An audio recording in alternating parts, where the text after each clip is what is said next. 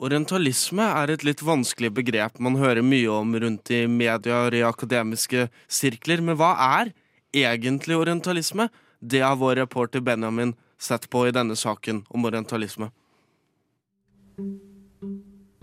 Mange vil nok mene at vi lever i en nokså selvransakende tid. Store kulturinstitusjoner, som British Museum i London og det berlinske Humboldt Forum, har blitt et slags ground zero for en debatt om returnering av kunstverk og kulturminner tilbake til sine opprinnelige opphavssteder. Det dreier seg særlig om Hellas, Egypt og Irak, og ikke minst en rekke gamle kolonier i Afrika. Særlig i vest har vi en aktiv og levende strid om hva vi skal gjøre med alle disse statuene til minne om polariserende skikkelser fra fortiden. Det hele har en politisk dimensjon der verdikonservative er bekymret for at man går for langt, mens forkjemperne mener at kolonialistiske perspektiv fortsatt er et stort problem.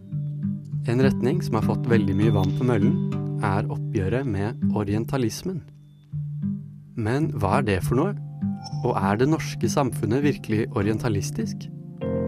Hele debatten begynner kanskje overraskende nok med en bok. I 1978 publiserer den palestinsk-amerikanske litteraturprofessoren Edward Saeed sin bok med navnet Orientalism. Han beskriver en tendens der europeiske vitenskapsfolk, i takt med kolonialiseringen av Midtøsten, utvikler et slags system, en litt unik linse å se verden gjennom.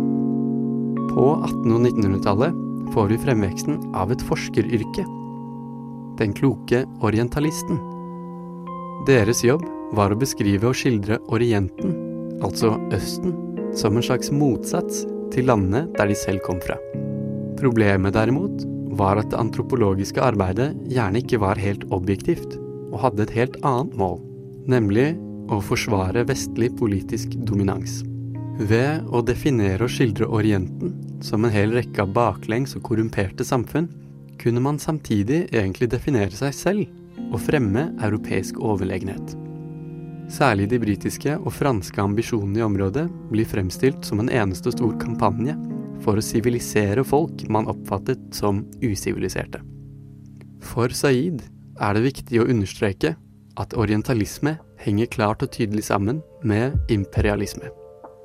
Edward Saeed legger også vekt på at de generelle bildene og stereotypiene som etter hvert fremmes av disse orientalistene, blir så sterke at de overlever mange generasjoner.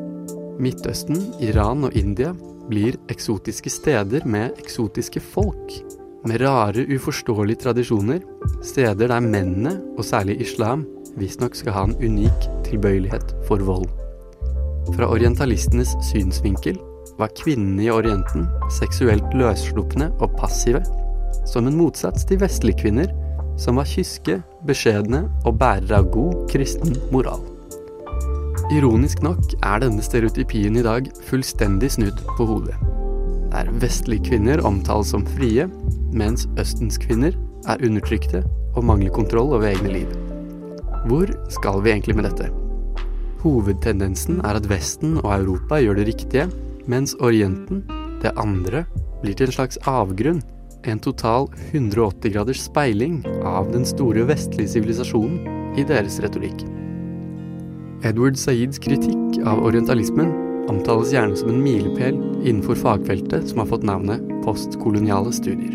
Innenfor moderne postkolonial teori bruker man Saids bidrag bl.a. for å rette søkelys mot skildringer av Orienten som tenkes å ha festet seg i vår populærkultur.